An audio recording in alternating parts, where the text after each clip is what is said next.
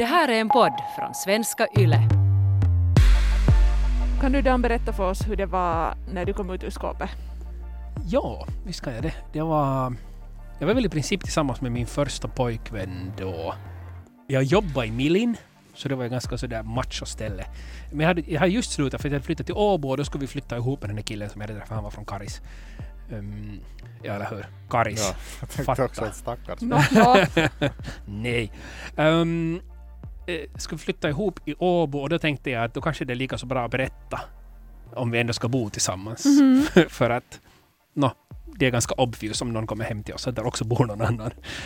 Eh, Så då berättade jag det för mina, eh, det var mamma och mina två brorsor. Och pappa var också där, men just medan jag skulle ta mod till mig, jag skrev med den här killen också, skrev att nu berättar jag, nu berättar jag snart, nu berättar jag snart. Och då sa farsan, jag får ut på tobak.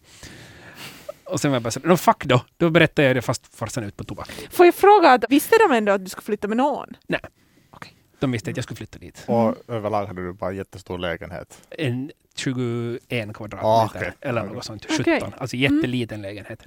Men ja, sen, sen berättade jag, men jag, men jag hade länge tyckt att, eh, att ingen av mina brorsor har ju berättat att de är heterosexuella. Så jag hade lite sådär ändå en inställning att varför ska jag måste berätta att, Mm. Att jag är homosexuell? Mhm. Vilket jag inte heller gjorde, utan jag berättade att jag, har- jag sa, jag har goda nyheter, att jag har träffat en, jag hittat en pojkvän åt mig. Och mamma sa, jaha, vad roligt. Min uh, storebror sa grattis och min lillebror stod och gapa. Så sa jag åt honom att vad står du där och gapar, du ser ful ut. så sa, så, nå- något sånt och så sa han, jag är inte lika ful som du. Och, och sen var det tillbaks vet du, till hur vi alltid har. Vi har alltid bara fittats med varandra ganska mycket. Mm. Så att det var inte på det viset något problem. Men, men jag, jag var ju själv jävligt nervös. Jag hade ju förväntat mig att, att jag inte skulle få fara ut i den gemensamma sommarstugan mera med, med familjen och, och sådär. För att jag hade bara förväntat mig att alla kommer att hata mig. Vilket var ju helt fel. Okej. Men varför hade du förväntat dig det? Nej men det var ju en så stor grej. Eh, och, alltså, det var ju mycket större grej för mig än vad det var för någon annan. Mm. Och för att det var en så jättestor grej för mig så hade jag ju förväntat mig att det kommer obviously att vara en så stor grej för alla andra också. Vilket det kanske inte var. När mommo fick höra det, vad var hon då? Kanske 85. Eh, det var inte jag, det var mamma som berättade. Då hade hon varit så här, aj ja. Och sen började hon skvallra om vem annan hon tror att i släkten kanske, kanske också inte helt hetero. Okej. Så att det var ju verkligen inte ett stort problem om vi säger så. Okej. Men jag hade ju förväntat mig det. Men, men sen när jag pratade mer med mamma om det, då, jag sa inte så att jag är bög eller gay, utan jag sa att jag var queer. Eh, Vilket jag kan, använde kanske i ett år eller något sånt om mig själv. Och jag använde queer alltså som... No, just det här som jag sa, att varför ska jag måste berätta när ingen annan Mm. berättar? Alltså mera en inställningsfråga till hur man ser på sex och sexualitet och kön och allt det här. Att det, det är inte så jävla tarka med allting. Att man också i princip enligt den bedömningen skulle kunna vara hetero och queer. Men att man, man, det är bara ett synsätt man har på sex. Var din mamma bekant med begreppet? Inte överhuvudtaget. Okej, vad sa hon då? No, då, för jag visade sen en hemsida som jag läste det från. Och, och, så var hon sådär, okej, mm, och sen några, typ en dag senare så frågade hon, "Vad- kan du visa den där sidan igen? Att hon ville läsa igen det där, Mm. det där begreppet som jag hade. Och inte vet jag, var det, nu, var det ett lättare sätt för mig att, att säga att jag är inte homosexuell, jag är queer. För att det ändå var ändå ganska stigmatiserat att komma ut som gay då. Så jag vet inte, in, inte kallar jag mig jättelänge för queer. Alltså i princip så, jag, jag håller fortfarande med om den inställningen jag hade då, att det är inte så jävla tarka att, att vet, du, allting är en skala och man är nu sen på olika sidor där på den där Mm. skalan. Och det var mitt synsätt. Så att utgående från det så är jag väl fortfarande queer, men nu kallar jag honom nu för bög. Nu hade, du, någon- hade någon av din familj och, och någon sån där, hade någon, någon ana? Eller visste någon, någon visste de undermedvetet? Eller var- kom det helt som en överraskning? Inte vad någon har sagt i efterhand i alla fall, har ingen någonsin gissat det eller anat det. Jag måste säga att, att på något vis också så det är skönt, för jag tycker att ofta när man pratar om, med folk som, som har kommit ut på ett eller annat sätt så, så säger de att folk sen säger att ah, nu, nu visste vi nu det. Och så är det sådär att, "Nå, men att fuck you, vad visste ni Muka? Ja. Att eh, på något vis att, att göra antaganden och sen att, att säga det när den andra berättar ändå en, en grej som att du säger också att du var skitnervös och tänkte Mm. att, att du inte kommer att få ett, ett kiva mottagande. Så tycker jag det är jätteoschysst på något vis att säga att "Nå, nu visste vi nu det. Mm. Att låta, på något vis att bemöta den andra mer emotionellt än, än liksom, Ja, Så som din, men- så som din, din mamma så- sa att, att vara kiva, Mm. att grattis. Ja, no, men samtidigt sådär att det är ganska ofta som jag träffar olika med, sådär, representanter av olika sexuella minoriteter och jag kan göra det antagande utan att någon berättar åt mig och utan att någon säger att Ja, och ibland kan jag man göra det i alla fall. Ibland kan man ju Ja. göra det. Och ibland, jag, Mm. förstås, jag har hänt flera gånger att jag har träffat eh, heteron som jag var fast övertygad om att de inte är hetero. Men det var de ändå, nu har jag också gjort antaganden som i och för sig var fel, men har jag ju också gjort antaganden Gör man tillräckligt mycket antaganden så någon gång har man rätt och någon gång har man fel. Det är klart Mm. att någon gång träffar det rätt. Vi gillar mera grattis eh, på något vis än att, att, att nu visste vi nu det. Mm. Att det är lite som att jag tycker att eh, på något vis grattis att, att våga. Men det var ju just Ja, Men det var ju för att jag sa att jag har träffat en kille. Det var inte det att jag Mm. sa att jag var gay. Så de kunde ju inte kunde de gissa att jag har träffat en pojkvän. Eller visst, visst skulle de ju ha kunnat gissa det ja också. Men det var det att jag, vill, jag, jag vägrar berätta att jag är gay. Ja. För att jag tyckte att det, det ska man inte behöva berätta. Även om Mm. jag förstås tyckte att man måste, måste få berätta det. Mm. Men jag ville inte berätta det så. För jag tyckte inte att det har någon skillnad. Mm. Hur många år sedan är det du kom ut? Det är kanske eh, 13 år sedan eller något sånt. Ja, det är 13 14, år sedan. 15. Fem- Fe- något. No, I alla fall närmare förra årtusende. Nå, ja, det kanske det var. Ja. Mm. En var för att jag intervjuade tre andra personer som Mm. har kommit mer nyligen ut ur skåpet. Leo som är bisexuell, Mm. Abbe som är gay och eh, Tove som är lesbisk. Och vi frågar samma fråga av dem att kan de berätta hur det såg ut när de kom ut? Mitt namn är Leo och jag är 24 år gammal. Det har nu varit sex år sedan jag kom ut som bisexuell till mina vänner och familj. Jag var då 19 år gammal och jag för någon orsak kände mig inte säker i att komma ut till mina föräldrar helt bara med att säga det till dem. Det kändes helt för, helt för svårt för mig att göra så. Så jag tog en lite mera intressant lösning och jag kom ut till mina föräldrar i en Youtube-video. Jag filmade den på morgonen före jag for till Pride 2015 med mina kompisar. Jag gick omkring med min kamera ute och jag pratade om min identitet och mina förhållanden och min, min väldigt komplicerade förhållande till att identifiera mig som bisexuell. Eftersom att så mycket av det har att göra med min ångest i att jag har blivit mobbad över alla de här sakerna och dylikt. Så denna video är en väldigt, väldigt, väldigt lång och råddig video som jag pratar på engelska för att jag var väldigt pretentiös. Men jo, så jag filmade den och jag skickade den på samma gång som jag var redan på väg till Pride. Så jag inte behövde vara på plats när de såg denna video. Under hela Priden så var jag väldigt glad för att jag var med mina vänner som alla var redan, visste redan att jag är bi. Så jag är väldigt lycklig. Men på samma gång så var jag lite rädd eftersom att jag visste det i något skede ska jag ändå fara hem och äh, möta mina föräldrar och se vad det, hur de reagerar. Så till slut så kom det den tiden och jag gick hem och jag försökte vara väldigt nonchalant och bara gå till mitt rum och inte prata med dem. Men förstås så ville de ju prata med mig. Och som tur så tog de det väldigt, väldigt bra med att de, de kramade mig. Och det var inte så jättedramatiskt utan mest var de bara lyckliga att jag kom ut. Men på samma gång så kommer jag ihåg hur min mamma eh, ifrågasatte mig varför jag inte ville säga det här helt rakt ut, bara helt till person. Jag tycker i största allmänhet att det är spännande emellanåt hur speciellt liksom föräldrar eller folk i nära relation tycker att de har en liksom, rätt att få veta på något visst sätt eller rätt till information som, på ett sånt sätt som liksom skulle passa dem.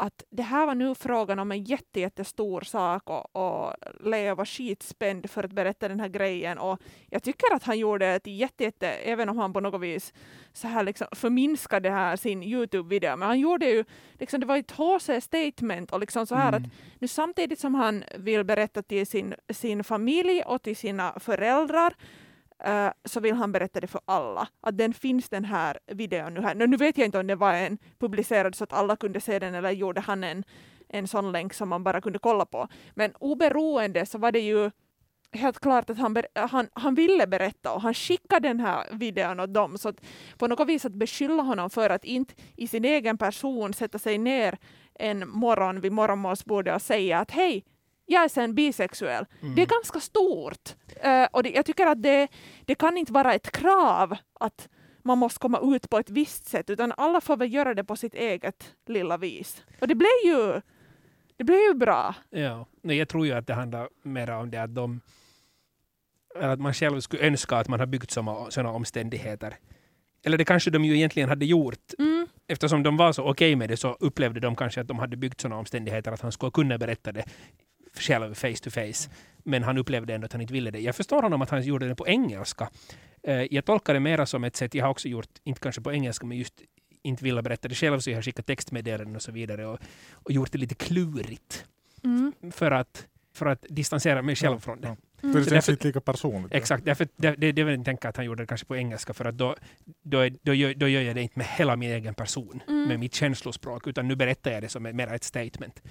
Jag, tycker, jag tycker alla sätt är bra utom de dåliga och i det här fallet så kanske det inte finns dåliga sätt att berätta. Om man Mm. känner att man vill berätta det så får man berätta det just så som man själv vill. Ja, och sen just det där att nå, kanske som förälder så skulle man vilja höra prata det face to face och det kan jag förstå som förälder men, men, men att video annars kan vara jättebra eller ett, brev eller någonting annat för då Mm. behöver man inte vara där framför den reaktionen. Mm. Och då får man säga sin sak. Och inte, inte vara rädd att bli avbruten och man får säga hela sin grej och visa att det här är viktigt för mig och jag upplever att det här är den jag är och, och så här känner Mm. jag. Och det, då, är det, då har man själv taltur. Just så Mm. länge som man väljer att ha taltur. Mm. Men vad säger de andra människorna? Så här säger Tove. Det blev så att mina vänner var de första som fick veta om saken. Det kändes mest naturligt att berätta till dem. Efter att jag hade berättat till mina vänner så fick eh, min syster veta, eller hon gissade fram denna sak. Och till slut så berättade jag till mina föräldrar och resten av min familj. Mm, spontan grej, Ja. som nu när vi har lyssnat på två storyn om att komma ut. Det kanske är jättesvårt att berätta för mamma och pappa. Det Mm. verkar som att, att föräldrarna är att det är liksom, no det, det är ju en jättespeciell relation, liksom barn och, och mamma och pappa emellan, som man inte kommer ifrån säkert någonsin. Men att kanske man är allra mest rädd att bli på något vis dömd där.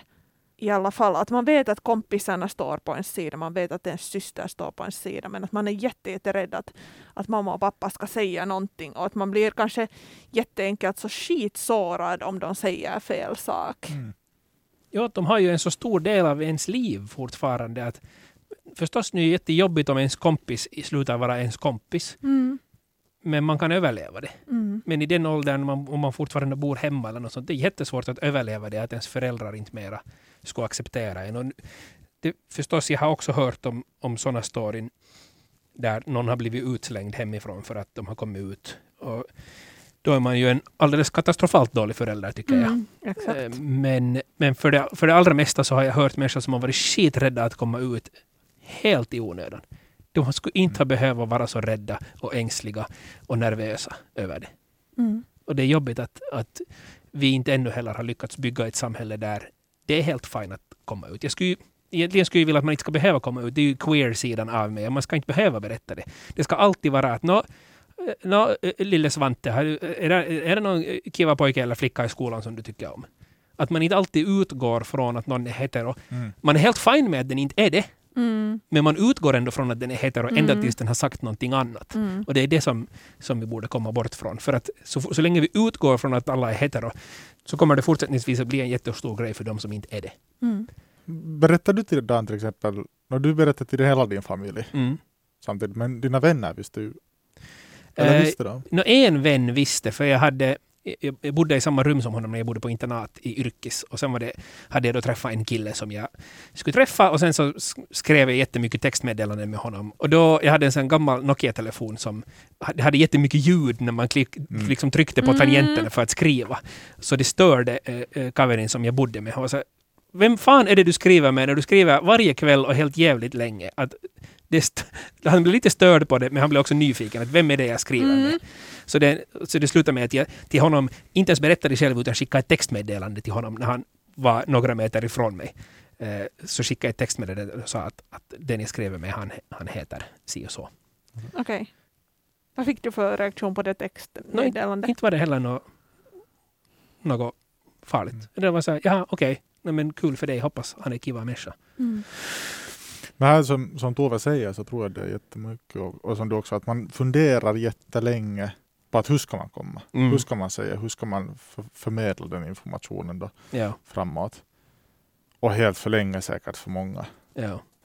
Nej, men vi har också pratat med Abbe och, men han hade inte den möjligheten att man skulle kunna fundera så väldigt länge utan Mm. han hade lite annan upplevelse. Jag har aldrig kommit ut, utan jag blev utdragen. Vilket låter lite tragiskt. Det var nämligen så att eh, när jag var 12 började jag fundera över min sexualitet och började liksom utforska lite och se att vad, vad, liksom, vad finns det? Vad, vad kan jag vara attraherad av? Vad, det ena och det andra. Man var ju i en ganska nyfiken ålder. Det var ju liksom så här, puberteten var ju på gång och så här. Och jag hittade en match, min första pojkvän. Uh, det ska nämnas att jag bodde då på en väldigt liten ort. Uh, vilket betyder att alla känner alla. Och uh, då tänkte vi också med min dåvarande pojkvän att, att vi, vi håller det här hemligt liksom. Att, att det, det ska inte liksom behöva komma ut att, att vi, vi kommer bara få massa skit för det. Nå, förhållandet gick framåt. Det gick en, två veckor och så här. Tills jag en dag sitter hemma på soffan och ser på TV. Och min mamma kommer gråtandes fram till mig och är så här att är det sant det jag har hört? Som jag sa vadå liksom? Uh, och då var det liksom min dåvarande pojkvän som hade sagt åt sina vänner som sen då hade sagt vidare och vidare och vidare och vidare att vi var tillsammans. Och då blev jag ju som sagt utdragen ur skåpet som alla pratar om. Och ända sedan dess så har jag ju då varit ute. Så att egentligen är jag väl, lika som det låter tragiskt att bli utdragen så är jag väl kanske lite glad också att jag blev utdragen ur skåpet och inte kom ut själv. Men tillika lika så tycker jag att det inte ska ha någon skillnad. Man ska ju få liksom det är ju inte andra personers grej att behöva fundera på. Jag blir lite arg på, på alla föräldrar som har så jättemycket liksom, åsikter och känslor inblandade i, i, i sina barn. Jag förstår ju att man har det, men sen samtidigt så har man inte ett skit med det att göra. Att man, liksom, vad man än hör för rykten så, så kan man inte komma hem gråtande att ens, ens barn är gay. Jag, jag är inte okej okay med den grejen. Nej, men, men Eh, eller igen är det kanske lite en sån här grej att kanske reaktionen skulle vara en annan. Om du skulle sagt det rakt till mig. Att, det liksom så där, att man går omkring och så blir man så här jättesårad över att, ens, att man inte har en så god kommunikation med sitt barn eller inte har lyckats så bra som man skulle ha önskat där. jag tror att det inte alls har med det att göra att han var gay som gjorde att hon grät. Jag, förstår dig helt vad du säger Malene, men jag tror att de allra flesta föräldrarna som vill att deras barn inte ska vara gay vill de inte därför för att de personligen har någonting emot homosexuella, Mm. utan de vet att det, här kommer att vara en fittig tid för mitt barn. Och Mm. det jag tror att det som den här mamman också har insett att när det skvallras så här ute på stan så inser hon att största problemet här är inte att han är gay utan största problemet är folks inställning till den här, den här till Abbe. Och att det därför kommer att vara en, Mm. en jävligt jobbig tid för Abbe. Och inga föräldrar vill att det ska vara en jävligt jobbig tid för deras ungar. Mm. Och, och det är det som jag tror att gör att många föräldrar hellre skulle önska att deras barn är medeltal i allting. Inte bra, inte dåliga, inte gay, inte, alltså ingenting. Alltså man ska vara så medelmåttig som möjligt för att då, blir det, då, då går det i alla fall ganska lätt. Eller så kan man förstås vara bäst. Men, men jag tror att det är det som gör att väldigt många föräldrar tar det som en jättejobbig grej. Dels för att hur ska det gå för mitt barn? det här kan bli jobbig tid. Och dels så tror jag att de också tänker att hur ska det gå för mig? Nu kommer folk att prata att hur har nu jag lyckats uppfostra min, mitt barn till att bli gay? Och det handlar ju inte alls om uppfostring. Men så här tror jag, att man vill alltid sitt barn det absolut bästa. Och sen så uttrycker man det bara på ett jättedåligt sätt. Men ja, för jag tror att man inte kan veta alltid sitt barns bästa heller. Det kan man inte Och heller. att, att man kan inte skydda sitt barn från att, att det någon gång blir jobbiga perioder. Att klart, klart fan det blir jobbiga perioder, men att, Mm. att på något vis att, att uh, nu förstås, nu, nu när vi snackar om den här så har Abbe varit ganska liten och, och ryktesspridning är ju aldrig en, en bra eller kul grej på något sätt, men att det kommer motgångar och, och eh, liksom, ja. Mm. Jag, jag hör vad du säger och jag, jag tror att det är helt sant så som du säger, men att på något vis chill the fuck out mamma och pappa. No, inte. verkligen, Det är verkligen. lite så här att, ja, no, men alltså, samtidigt så kan vi gå tillbaks till Dans vanligaste kommentar sånt på den att alla har rätt till sina känslor och det har mamma och pappa också. Men Ja. att förstås vad man spiller över på sitt barn så är lite så här. Jag, ja, jag tänker bara att inte gör det i alla fall, har, gjorde inte kanske Abbes Filis något bättre av att Helt det sprids rykten och mamma kommer hem gråtande. Helt Ja, och det kommer han ju ihåg många år senare Ja. också. Ja. Men sen samtidigt så är det ju en genuin också. Man, hans morsa är ju genuin. Mm. Och hon, hon har en sån känsla och hon, hon känner så här så Ja. då kan man inte heller riktigt hon menar säkert inte heller dåligt. Mm. Nej, det är just det. Jag Ja. tror att hon menar absolut det största velet som hon Ja. bara kan. Vi har nog säkert rätt. Kyllä. Så därför tycker jag vi går vidare, för att det här är ju det här är ju kanske den första känslan som jätte, jättemånga har som kommer ut ur skåpet. Att Ja. de, det här är en otroligt stor grej för dem. Och sen kommer de ut och sen så är det vissa som kanske inte riktigt tycker om det. Eller så är det så att ingen reagerar jättemycket, vilket också kan vara en jättestor grej. För att om jag har gått omkring och i, i tio år tyckt att det här, så det här som handlar om mig är en så otroligt stor och personlig och jobbig grej. Och sen är alla andra så här, jaha, och? Mm. Så då, då kan man ju också bli frustrerad över att det här är ju så stort för mig, hur kan du reagera med bara oho? Fast det är ju egentligen den bästa reaktionen Mm. som finns. Alltid när det startas olika projekt eller rörelser eller någonting som handlar om det här så, så är det ju med budskapet det blir bättre. Mm. Och det, det, det tror jag att det blir för de allra, allra, allra, allra flesta så blir det bättre. Och eh, jag känner igen mig jättemycket i Tove, Leo och Abbe. Jag känner igen mig jättemycket i deras storyn. Hur det börjar, men också sen hur det fortsätter.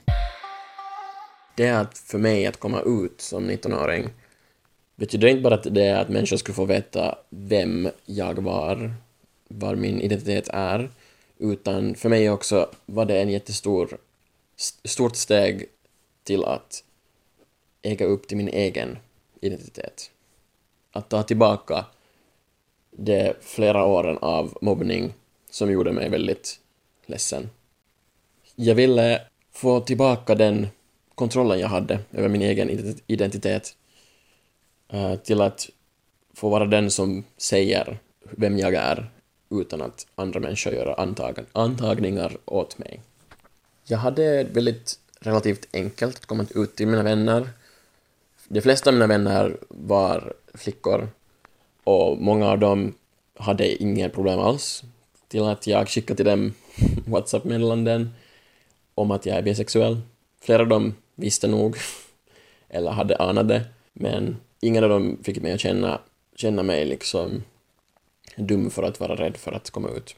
Jag hade en slags ångest att komma ut till de få killkompisar jag hade, eftersom att det finns en slags stigma när det gäller queer-män att, att man, man tror helt enkelt att ens killkompisar inte kommer att behandla dig likadant efter, efter att du har kommit ut som gay eller bi eller någonting annat för att det på något sätt ändrar ens förhållande till varandra som vänner.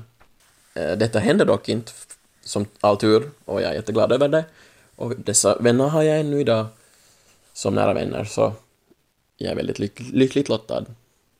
Det att jag kom ut till mina föräldrar via en Youtube-video betyder inte att mina föräldrar var på något sätt dåliga eller att vi hade ett dåligt förhållande eller liknande. Det har bara att göra med att vi har blivit lärda i den här, vårt, vårt samhälle att de här sakerna är svåra och man kan inte hjälpa till att vad man känner. Ibland är det bara enklare att komma ut på lite mer annorlunda sätt och jag tycker att det är helt okej. i slutändan är det att komma ut en mycket personlig sak som var och en har sin egen rätt till att bestämma hur man gör. Och det har ingen annan att säga någonting till. Jag är jättetacksam över att jag fick bara positiva och uppmuntrande reaktioner. Jag tänkte jättemycket på det innan jag kom ut, att hur skulle folk reagera på mig och skulle det ändra deras åsikt om mig? Som tur så gjorde det inte. Visst, mina föräldrar tänkte att jag skulle um, gifta mig med en man som kommer till mig med en vit häst. Så sa jag bara att hej, att det kommer att vara en kvinna. Men också mina föräldrar, fast de var överraskade så var de positiva och fortfarande är och tycker mycket om min sambo. Tänk att det är ändå så att, att den vita hästen och prinsen, alla väntar på den. Men så, no, säkert så är det ju nog. Men vad, vad kul att höra att det, liksom, att det går bra. Mm.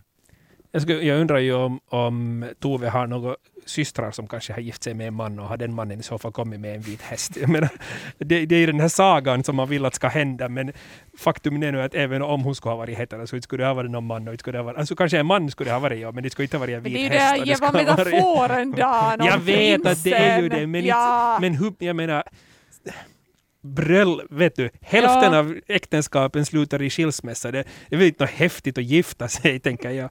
Vet du så här, som att nu, nu är ditt liv, nu är ditt liv så perfekt, för nu är du heterosexuell och har gift dig med någon av motsatta Mm. könet. Nu är, nu är ditt liv så bra som det någonsin kan bli. Klart att det går åt helvete ändå. Nej, nu kanske jag är lite sy cynisk. Nej, men jag tycker, jag tycker det är helt okej att säga så. Ja. Alltså jag märker att jag är nog bara helt inne på att dissa allas föräldrar hela tiden. Man kan ju, ja. Nej, jag vill inte göra det. Nej. Eh, alltså, jag, jag förstår dig nog. Ja, det finns, och jag tror att de här föräldrarna skulle dissa kanske sig själva i vissa fall om de i efterhand skulle rationellt kunna tänka på att "Nå, men hur borde jag nu egentligen ha reagerat? Och också Abbe, även om Abbes eh, mamma kom hem och grät i början, så, så visst finns det en fin story där också. Alltså, jag måste säga att bland unga, i alla fall bland tjejer, så var det så att jaha, okej, men gud vad kul liksom. Att man typ delar ett intresse. Men alltså killar i tonårsålder och komma ut för dem, det är inte någonting rätt ska jag säga. För att jag, jag blev väldigt mobbad för det. Liksom för att jag var homosexuell och för att jag liksom var mig själv. Jag var liksom den jag ville vara. Och så här. Så att det var ju massa olika reaktioner. Dock har inte äldre, liksom vuxna människor visat det på samma sätt. Det var väl kanske bara mest inom min familj i början liksom. Eller mina föräldrar i alla fall. Det här att, att vara så att är du nu helt säker på det? Att, att, är du nu helt säker på att du inte gillar tjejer? Är du nu helt säker på att du inte gillar det ena och det andra? Är du nu helt säker på att du vill det här och det här liksom? nu i efterhand så har jag väldigt mycket accepterande vänner som står på min sida. Jag har en väldigt accepterande familj som också står vid min sida. Och uh, man kämpar ju varje dag för sina rättigheter och för att um, kämpa mot hat och allt det här som finns. Men jag, jag är stolt. Jag är stolt över vem jag har blivit och det, det är tack vare att jag flyttade bort egentligen från den där lilla orten till en stor stad där jag på riktigt fick leva upp till mig själv för att i en stor, liksom, i en liten by så du blir så lätt utpekad direkt du är annorlunda. Och det behöver inte bara ha med din sexualitet. Det kan vara din stil, det kan vara att du har någon funktionsnedsättning, det kan vara liksom bara att du är annorlunda och du blir utpekad. Men direkt då du är i en storstad, det finns alla sorters etniciteter, alla sexualiteter, alla sorters människor och du blir inte utpekad. Det, det tror jag att stämmer nog. Att det är mycket svårare att komma ut på en liten ort eller att vara sig själv och leva upp till sig själv kanske. Mm. Och det här är mycket fundera, alltså just ungdomen och tonåren kan vara så, det kan vara så satans hård. Ja. Själv kan jag på det sättet vara helt lyckligt lottad att jag inte, inte har nu känt mig utanför värst mycket och känt mig ganska accepterad och, och sådär och jag har bott i en, en stor stad men inte där högstadiet i Helsingfors heller så stort. Men någon dag så får man också själv bestämma att jag flyttar härifrån Mm. och Mm. träffar människor som är mer likadana som jag. Kanske så här i tider av Pride så tycker jag att de här storyna visar att Pride-paraden behövs fortfarande. Och sen Exakt. kommer det någon tomte som säger att men hetero-pride då? Finns inte det? Kan du berätta nu, om det är någon som där ute på riktigt, äh, alltså jag har, jag har blivit ställd den här frågan, Mm. att varför, varför det där hetero-pride inte ordnas. Kan vi nu en gång för alla ge ett ordentligt svar till alla fucking farbröder där som tycker, tycker sig vara roliga? No, alltså, men det vi vill ju se är att det har ordnats. Ja, Att det var ju no, no, var det Ja. Sannfinländare eller vem det nu sen Jo, var som jo, jo. ordnade heteropride. Alltså jag vill ju säga att, att om du vill ordna det, om du tycker att det saknas, ordna det! mm. Så ser du hur många som kommer. Det var ju inte jättemånga senast. Och orsaken till att det kanske inte är så jättemånga som kommer dit är att det är inte här som Abbe säger att jag varje dag måste ändå lite kämpa om mina rättigheter. exakt. Och jag är ju med, alltså nu pratar vi om att komma ut som att det är en engångsgrej och sen kommer, jag kommer ju fortfarande ut. När jag ringer försäkringsbolaget och frågar att är min reseförsäkring, gäller det mig eller gäller det min sambo också? Så svarar de från försäkringsbolaget att ja, det gäller henne också. Mm. Exakt. Och fast jag till och med säger att ja, han kommer med på resan, nu gäller den väl honom också, så kan de ändå säga att jo, den gäller också din fru. För de, upp, de tror att jag har sagt fel. Som om jag inte skulle veta vem jag är tillsammans med Mm. i tio år. Det är klart. Så att just nu så upplever jag inte att jag kämpar varje dag för mina rättigheter. Men jag kämpar varje dag för andra människors rättigheter. För jag vet att det är många som lider av det här. Och eh, som, så som Leo berättade, dagen han kom ut var dagen när han får på Pride med sina kaverin och hade kul. Och det är det som jag, som jag gör. Inte kämpar jag egentligen för att någon annan ska ändra åsikt, utan jag kämpar för att de som själva är homon ska ändra åsikt om sig själva. För att jag vet hur det är att hata sig själv för den man är. Oss på Instagram, på yleextrem6. Där fortsätter diskussionen tillsammans med mig, Malena. På Instagram kan du också ställa frågor eller komma med förslag på teman som vi senare skulle kunna snacka om i podden.